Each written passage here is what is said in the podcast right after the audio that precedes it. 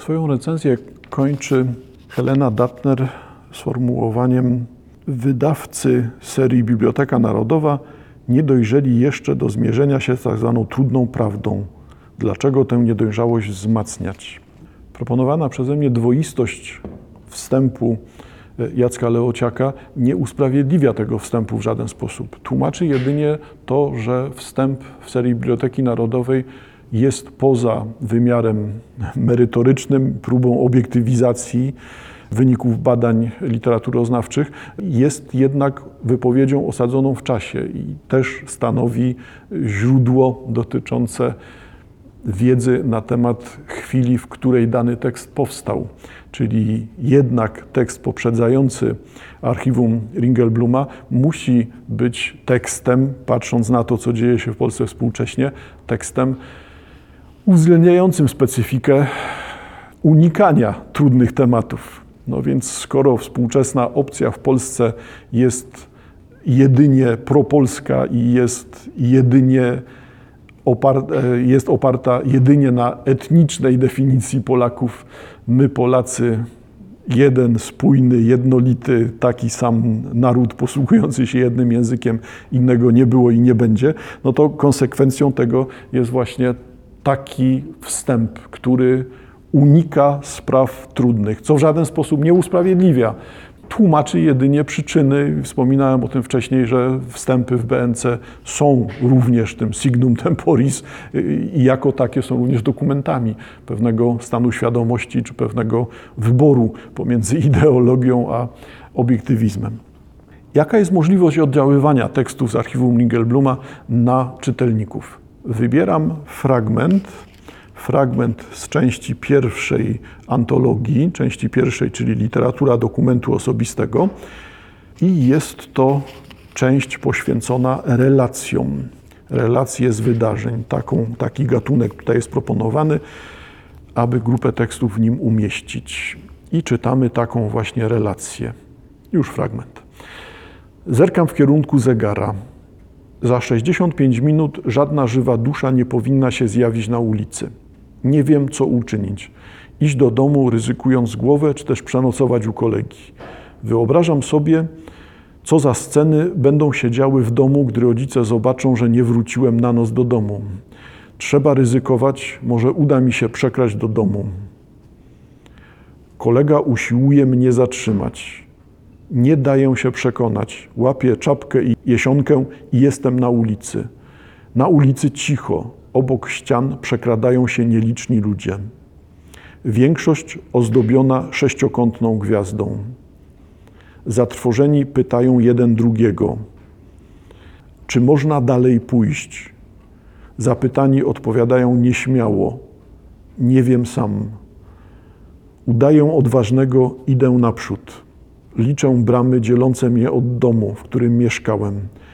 Jeszcze 40, 36, 27. Nagle stop. Z dala usłyszałem brzęk łamanych szyb i krzyki napastników. Bić, łapać Żydów. Zbliżali się widocznie, gdyż krzyki stawały się coraz głośniejsze. W odległości 40 metrów ode mnie zauważyłem kilkunastu wyrostków z dwoma drabami na czele. Uzbrojeni w różnego rodzaju laski i łomy, otaczają starszego Żyda i okładają go bezlitośnie. Żyd pada zalany krwią, ubranie i płaszcz w strzępach. Lecą naprzód, otaczają drugiego. Postanawiam schować opaskę i udając Polaka, posuwać się naprzód. Tak też uczyniłem. Nagle wyrasta przede mną wysoki młody chrześcijanin. Pomyślałem, że to jeden z napastników, który ma zamiar oporządzić mnie w samotności. Serce wali mi młotami. Nieznajomy bierze mnie pod rękę i cichym głosem mówi: Gdzie mieszkasz, powiedz, to cię odprowadzę. Sądziłem, że to tylko trik z jego strony i nie chciałem mu nic powiedzieć. Nieznajomy, wlokąc mnie prawie, pyta, w którą stronę idziemy. Zrezygnowany wskazuje ręką kierunek drogi. Zbliżamy się do bandy. Nieznajomy mówi do mnie: Józek, jak ci tam było u Zosi? Przestraszony nic nie odpowiedziałem, gdyż nie zrozumiałem, o co mu idzie. Nieznajomy mówi dalej: O, to ząb cię boli. W tej chwili mijamy bandę. Młodzi, rozjuszeni napastnicy biją jakąś młodą dziewczynę. Powaliwszy ją, napadają na drugiego Żyda. Po długiej walce powalają go na ziemię i długo znęcają się nad nim. Mijamy ich szybko. Odgłosy krzyków i nawoływań stają się coraz cichsze. Na ulicy widać tylko kilku Aryjczyków, w tym jednego umundurowanego urzędnika jakiejś niemieckiej formacji policyjnej. Głośno śmiejąc się, rozprawia z cywilem. Tak się wyuczyli, robią to znakomicie. Miast ich rozpędzić, urzędnik mający utrzymać ład i porządek, pochwala ich zbrodnicze czyny. Odprowadziwszy mnie pod bramę, chrześcijanin oddala się. Staram się mu podziękować, lecz z powodu zdenerwowania głos nie może mi wyjść z gardła. Polak, oddalając się, mówi: Spełniłem tylko swój obowiązek.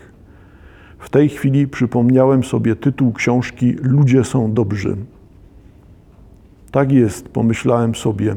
Jeżeli nawet zdarzają się wyjątki, potwierdzają one tylko tę regułę. Fabularnie historia jest oczywiście prosta. Ja pozwoliłem sobie pominąć wypowiedzi y, żydowskie i wypowiedzi niemieckie, tutaj przywołane w widzisz i w języku niemieckim czytałem już tłumaczenia. Czyli fabularnie mamy sytuację prostą. Tylko nie dajmy się za bardzo nabrać na tą pozorność. Tutaj wiele spraw jest istotnych i pewnie może umykać, jak, jak to zwykle bywa przy pierwszej lekturze. Zwrócę uwagę na parę takich momentów w tekście, w którym widać, że tutaj się coś dzieje. To znaczy powstaje nie tyle sprawozdanie z rzeczywistych wydarzeń, ile pojawia się próba uchwycenia w języku tego, czego nie da się wypowiedzieć. Tekst dotyczy zagłady, tekst dotyczy zagrożenia, przeczucia bliskiej śmierci. Tekst dotyczy cierpienia, samotności, wykluczenia, doświadczania, tego wykluczenia, doświadczania nienawiści. Tak, tak, tak. Wszystko to w tej wersji faktograficznej będziemy mieli. Ale na czym polega ten chwyt językowy, o który chyba najbardziej chodzi Leociakowi i, i który jest kluczem doboru tych tekstów? Tutaj mamy do czynienia z literackością, z nadmiernym uporządkowaniem tekstu i ta tak rozumiana literackość, są oczywiście inne definicje literackości także, tak rozumiana literackość w tekście widoczna jest od samego początku. Nie wiem, co uczynić. Iść do domu, przenocować. I dalej. Sceny będą działy się w domu, gdy rodzice zobaczą, nie wróciłem do domu. Może uda mi się przekraść do domu. I to nie jest nieudolność stylistyczna. To, że w zdaniu pojawia się kilkakrotnie, w każdym ze zdań pojawia się kilkakrotnie e, słowo dom, tylko dotyczy to właśnie owego nadmiernego uporządkowania, czyli zdania umieszczone koło siebie z powracającym terminem dom wskazują na to, że głównym tematem, wskazują na to, pozwalają na taki właśnie kierunek interpretacji, w którym widzimy na pierwszym planie dom. Czytamy te zdania nie jako opowieść o byciu poza domem i chęci powrotu, bo to jest czytanie fabularne. Czytamy te zdania jako zdania eksponujące dom, a w zasadzie odczucie jego braku. I w takim razie wielokrotnie powracające słowo dom w różnych relacjach z sąsiedztwem w tych zdaniach będzie nam wskazywało na to, że głównym doświadczeniem jest poczucie utraty tego, czym jest dom, czyli poczuciem, utraty poczucia bezpieczeństwa, celowości swojego miejsca w świecie, no bo tak bym spróbował definiować dom. To wszystko nie istnieje. Tekst dotyczy nieistniejącego domu, tego wykluczenia, samotności, poczucia bliskiej zagłady, realizowanej, e, co stylistycznie realizowane jest właśnie e, poprzez tą nadmierną frekwencyjność słowa dom. Ale to nie jest jedyny moment. Po prostu tego typu, tego typu podobne zabiegi będą tutaj ważne w tekście i będą, będziemy czytać ten tekst właśnie poprzez te pęknięcia, przez coś, co może być zarzutem wobec tekstu. Kolejnym z takich pęknięć, czyli tych, z tych zabiegów polegających na posługiwaniu się kontrastem, na operowaniu niespójnością, na operowaniu zaskakującym przejściem w obrębie tekstu, e, będą rzeczy, które dzieją się tutaj w narracji, e, będą sprawy, które w narracji rozgrywają się w obrębie czasu. Mamy naszego uczestnika wydarzeń, który relacjonuje to, co się dzieje na ulicy, czyli Polacy znęcają się nad Żydami. I to, ta, ten czas narracji jest prowadzony jako czas rzeczywisty, czyli napadnięcie na Żyda, na Żyda, postanawiam udawać Polaka, i to jest mniej więcej w czasie rzeczywistym, ale potem widzimy coś dziwnego. Czas, którym rozgrywa się znęcanie nad Żydami, bicie, zabijanie Żydów, jest o wiele większy niż czas przejścia w pobliżu tej bandy. Mijamy bandę. Młodzi, rozjuszeni napastnicy biją jakąś młodą dziewczynę. Powaliwszy ją, napadają na drugiego Żyda. Po długiej, długiej walce powalają go na ziemię, długo znęcają się nad nim. Mijamy ich szybko. W tym momencie mamy niezgodność, niespójność czasów. Jakby inny, w innym czasie rozgrywało się przechodzenie obok tej bandy, no w tym sensie ucieczka przed tą bandą, e, niż wydarzenia. Wydarzenia w postaci znęcania się, zabijania Żydów są o wiele dłuższe niż przejście w pobliżu tej bandy. I to przejście właśnie takie, że mijamy ich szybko, nie zwracają na nas uwagi i znikamy. W dalszy ciąg jest taki sam. To spotkanie z urzędnikiem w momencie, kiedy szybko przechodzisz się przez ulicę, żeby zniknąć, to skąd bierze się tak drobiazgowy zapis reakcji tego e, niemieckiego policjanta, chwalącego postępowanie Polaków. Tak się Polacy wyuczyli, znakomicie to robią, w sensie znęcania się, zabijania Żydów. To jest też ten sam punkt, który pokazuje, tu się dzieje coś dziwnego. W tekście jest zawarta opowieść o czymś innym. I teraz ja zrobię rzecz całkowicie nieoczywistą, która tłumaczy te niespójności, czy też te nadwyżki, o których przed chwilą mówiliśmy, i jednocześnie wprowadza nowe znaczenia do tego tekstu. Przypominam, udając Polaka, posuwać się naprzód, postanawiam. Nagle wyrasta przede mną wysoki młody chrześcijanin. W tekście widzimy chrześcijanin e, jako e, słowo chrześcijanin zapisane z dużej litery.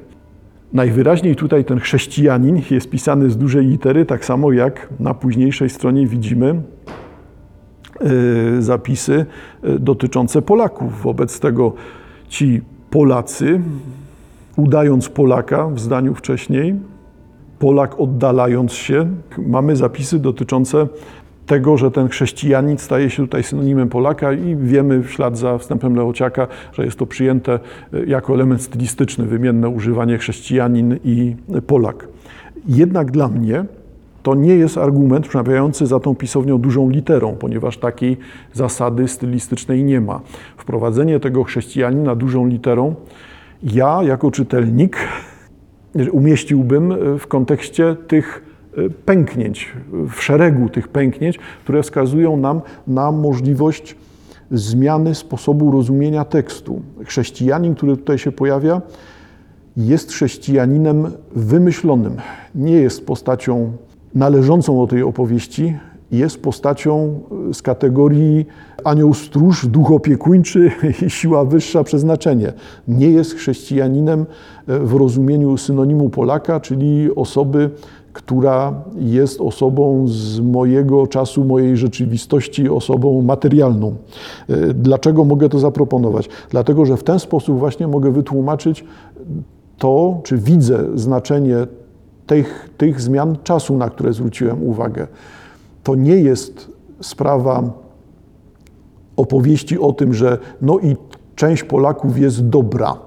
To jest opowieść o tym, że ja wbrew złu, wbrew nienawiści Polaków do Żydów, i to nie nienawiści teoretycznej, tylko nienawiści realizowanej tu jako pogrom. napadanie, ograbianie, pobicie, zabijanie Żydów przez Polaków pojawia się jako moja reakcja. Ale co by było, gdyby? Co by było, gdyby jednak ktoś się pojawił, ktoś mi pomógł? I dlatego e, opisy cierpienia, opisy zadawania cierpienia, opisy bliskiej śmierci, śmierci są o wiele bardziej intensywne, czy zajmują o wiele więcej czasu niż samo to przejście, bo to przejście jest tylko przejściem wyobrażonego świadka, wyobrażonego punktu widzenia. Ta historia nie miała miejsca. Ten nasz główny opowiadacz przemknął pod tymi murami i udało mu się szczęśliwie tej bandy uniknąć. Resztę rejestrował jako migawki pamięci. Do tych migawek powrócił, spisując ten tekst i nazywając tą, ten szczęśliwy przypadek, i zamieńmy szczęśliwy przypadek na dowolną inną kategorię, jak chcemy, ten szczęśliwy przypadek zamienia w podmiot, bo Świat byłby lepszy, gdyby pojawiła się osoba taka jak wyobrażony Polak, który jednak pomocy udziela. Ale ja właśnie, czytając ten tekst w taki sposób, tego Polaka umieściłbym w kategorii fikcyjnych postaci, o ile oczywiście możemy mówić o tym, że postacie w literaturze są autentyczne i fikcyjne. To jest postać poza światem przedstawionym jeżeli za świat przedstawiony uznamy odbicie elementów rzeczywistości, to ta postać chrześcijanina jest personifikacją owego szczęśliwego przypadku siły wyższej, Boga, jak chcemy. I w tym momencie widzimy, że zaczyna być uzasadnione pulsowanie czasu tej opowieści. Czasu, który inaczej biegnie dla uciekającej ofiary przed pogromem, a inaczej biegnie dla samych ofiar. Y, gdzie jeszcze widać pognięcia to uzasadniające? To proszę zauważyć to, że tu konsekwentnie w tekście prowadzona jest narracja dotycząca bierności reakcji. Y, nasz opowiadacz współczuje ofiarom, ale nasz opowiadacz ratuje własną skórę. I, I, I, to jest chyba jego głównym problemem. Jak uzasadnić to, że byłem obojętny, Minąłem tych ludzi, których zabijano przy mnie i uciekłem, ratując samego siebie. Przesuwam odpowiedzialność w stronę wyobrażonej postaci. Personifikuję to, co jest moim brakiem, to, co jest moim bólem. Nie mogłem im pomóc, nie chciałem im pomóc, mam wyrzuty sumienia, teraz prowadzę własną narrację, mam wyrzuty sumienia z powodu tego, że nie udzieliłem pomocy. Wobec tego spersonifikuję sobie taki czynnik, punkt, podmiot, osobę, która uzasadni to, że nie reagowałem, to, że nie pomogłem im, bo pomagał mi uciec i uciekaliśmy, czy uciekałem przy jego pomocy. Razem nam się udało i dlatego jestem bezradny wobec śmierci Żydów mordowanych przez Polaków. I tu jest chyba temat tej opowieści. A nie tematem opowieści jest to, jest jakiś sprawiedliwy spośród narodów świata. Ja przypominam, że nie kwestionuję tego, że pojawiali się ci sprawiedliwi wśród narodów świata, e, ale jednocześnie nie stanowią oni żadnej reguły. A jako człowiek spędzający życie, czy prawie całe życie na czytaniu książek, minąłem i nie, nie, nie, nie wyjaśniałem tego na bieżąco. Końcówka relacji, którą czytaliśmy w tej chwili przypomniałem sobie tytuł książki Ludzie są dobrzy. To jest ten tytuł. Ludzie są dobrzy. Tak jest, pomyślałem sobie, jeżeli nawet zdarzają się wyjątki, potwierdzają one tę regułę. Tytuł książki Ludzie są dobrzy. Gdyby mówić o książce, to rzeczywiście mamy tutaj bardzo duże nadużycie, nadużycie no powiedzmy figurę stylistyczną, tak to wygląda, ze względu na to, że jest to raczej opowiadanie, nowelka, ale opublikowane rzeczywiście jako samodzielna książka. W latach 30. ukazywała się seria Biblioteka Palestyńska dla dzieci. Jest to załącznik do małego przeglądu, a ten mały przegląd jest to gazeta dla młodych czytelników, e, między innymi prowadzona, na pewno założona przez Janusza Korczaka. Do, 30, do 1 września 1939 roku ukazują się kolejne numery tego tej, tego czasopisma dla dzieci, czyli mały przegląd. Jest to dodatek do większej gazety, czy też do większej publikacji już adresowanej do osób dorosłych pod tytułem Nasz Przegląd. I w ramach owej Biblioteki Palestyńskiej pojawia się opowiadanie Janusza Korczaka, Ludzie są dobrzy, no ale na, tak rzeczywiście opublikowane to jest jako mały zeszycik, więc jest to samodzielna publikacja książkowa. Dlaczego zwracam na to uwagę? Dlatego, że to jest kolejny moment pokazujący tekst relacji o tym dobrym chrześcijaninie ratującym Żyda na ulicy, jest opowieścią o czymś innym. Jest opowieścią, gdzie łatwo możemy wejść w ten ślepy zaułek, tak? znaleźć się w tej sytuacji, no przecież jest to opowieść o dobrym Polaku i wszyscy Polacy tacy byli, a tych Żydów na ulicy bili Niemcy, co jest błędem rzeczowym, tak? bo w tekście było chyba inaczej. Tak na to tylko zwracam uwagę. Dlaczego ten tekst Korczaka jest dla mnie powodem do takich właśnie uwag? Tekst Korczaka Ludzie są dobrzy jest tekstem napisanym w jego bardzo oryginalnej poetyce. To jest tekst oddający głos postaciom. Sama rola narratora jest tutaj bardzo mocno ograniczona wszystko rozgrywa się w wypowiedziach postaci, a głównie rozgrywa się w rozmowie pomiędzy matką a córką, czy raczej w szeregu rozmów prowadzonych w różnym czasie, ale wszystko poukładane jest w następstwie chronologicznym. Czytamy wobec tego opowieść o tym, opowieść złożoną z wypowiedzi, i pierwsza wypowiedź dotyczy tego, dziecko opisuje chorobę ojca. Ojciec przebywa w szpitalu, mamy rozmowę z ojcem, rozmowę z matką. W tle możemy rekonstruować sobie sytuację. Ojciec śmiertelnie chory żegna się z żoną i córką. Z kontekstu wynika również to, że ojciec przebywał poza Polską i do tej rzeczywistości poza Polską usiłuje przekonać przekonać matkę i, i córkę, matkę usiłuje przekonać e, żonę i córkę, stąd realia palestyńskie podejmowane w rozmowie pomiędzy ojcem a dzieckiem. E, kolejne fragmenty tego opowiadania, wyraźnie dzielącego, e, podzielonego przez Korczaka na segmenty tekstu, układają się w taki chronologiczny ciąg opowiadający o tym, że po śmierci ojca matka z córką decydują się na wyjazd do Palestyny. W Palestynie rozpoczynają życie w kibucu. Wrócę do tego za chwilkę jeszcze. Rozpoczynają życie w kibucu. Matka decyduje się na zostawienie dziecka pod opieką, próbuje odnaleźć dla siebie miejsce w Palestynie w innym miejscu. Próbuje dziecko ściągnąć do siebie, aby ostatecznie w tym układzie fabularnym powrócić do kibucu, w którym znana jest którym rozpoznawana jest od początku jako żona jednego z założycieli tego kibucu, który kibuc opuścił, wrócił na terenie Polski po to, aby umrzeć i teraz powraca do tego założonego przez jego i jego przyjaciół, przez niego i jego przyjaciół e, kibucu żona i córka. E, ostatecznie żona i córka znajdują dla siebie miejsce wśród dawnych przyjaciół ojca. Co w takim razie tutaj się rozgrywa? No, rozgrywa się to, że z jednej strony w relacji z archiwum Bluma widzimy opowieść o młodym chrześcijaninie, znaczy opowieść o, o chrześcijaninie pomagającym Żydowi, opowieść kończącą się odwołaniem do książki Korczaka Ludzie są dobrzy.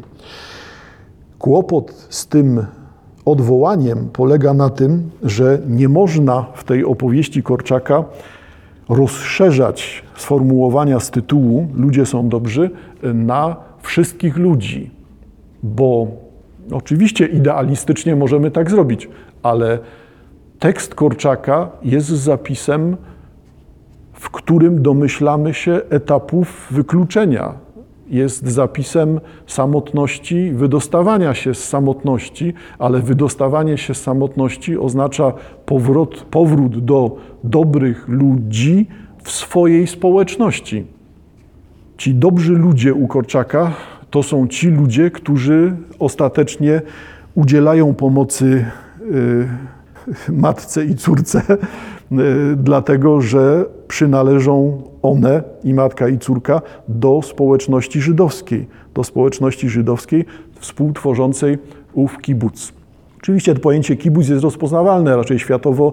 Przypomnę krótko, że kibuc był próbą organizacji społeczności, organizacji społeczności żydowskiej na wzór skrajnie socjalistyczny, tylko proszę nie mylić z komunizmem czy socjalizmem w Polsce, na wzór, na wzór skrajnie socjalistyczny, to oznacza, jesteśmy jedną społecznością, nie posiadamy prywatnej własności, to, co wypracowujemy, należy do wspólnych zasobów, którymi wspólnie, odpowiedzialnie każdy może gospodarować. Czyli pracujesz ile możesz, korzystasz ile ci potrzeba, ale w jednym i drugim musisz odnaleźć swoje miejsce. Pracuj tak, żeby było też dla innych, korzystaj tak, aby nie korzystać w nadmiarze. Ideologia wspaniała, e, raczej odwołuje się do pierwotnych wspólnot, kiedy wszystko było wspólne i wszyscy się wszystkim dzielili, tak jak jakieś pierwsze wspólnoty chrześcijańskie. W końcu chrześcijaństwo, herezja żydowska. Wobec tego tutaj widzimy ten ideał e, pierwotnej społeczności, ideał, który dzisiaj już nie istnieje. Tak kibuce stopniowo przez kilkadziesiąt lat jednak przechodziły w stronę własności prywatnej i dzisiaj raczej traktowalibyśmy je jako przedsiębiorstwa czy też spółki zarządzane przez współwłaścicieli. Nie ma już tego kontekstu, który był przy przez Korczaka latach 30. Co wobec tego? Jednym z pęknięć w tej relacji z archiwum Nigelbluma jest również przywołanie tego tytułu, ponieważ przywołanie tytułu Korczaka nie oznacza generalizowania, że ludzie są dobrzy, tylko ludzie są dobrzy próbowałbym odczytać, odczytywać to w taki sposób. Ludzie są dobrzy w swojej, w swojej społeczności. Ludzie są dobrzy dla swoich. Nie uda się przejść granicy pomiędzy Żydem a chrześcijaninem. Ta bariera nie może zostać przekroczona. Marzenie o tym, że ludzie są dobrzy, jest wspaniałe, ale jednocześnie widać, że ludzie są dobrzy tylko wtedy, kiedy mówią o sobie my, kiedy tworzą jedną społeczność, jedną rodzinę. Przykład z archiwum Bluma w postaci tej opowieści i krótkie odniesienie do tekstu Janusza Korczaka traktuje właśnie jako wskazanie możliwości interpretacyjnych nowych.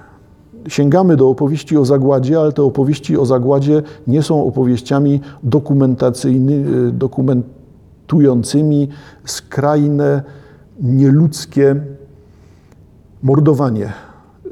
To są relacje, które wyposażają nas w język dzięki którym możemy mówić o zagładzie, a dla nas ważne, powiem inaczej, dla mnie jako Polaka ważne jest to, że również wyposażają w język, który pozwala mi widzieć własną odpowiedzialność. Jeżeli chcę siebie nazywać Polakiem, a mogę żartować, że mi to prezes odbiera, co jest tylko żartem, bo tego akurat odebrać się nie da, Wobec tego dla mnie jako Polaka istotne jest to, że nagle pojawia się tak wielki materiał pokazujący, na czym bycie Polakiem polega, dającym możliwość uświadomienia sobie właśnie tego, że bycie Polakiem to nie jest bycie polskojęzyczną osobą, tylko jest to odwołanie do ogromnej ilości języków, do ogromnej ilości kultur i przecież nie tylko o jidysz i nie tylko o kulturę żydowską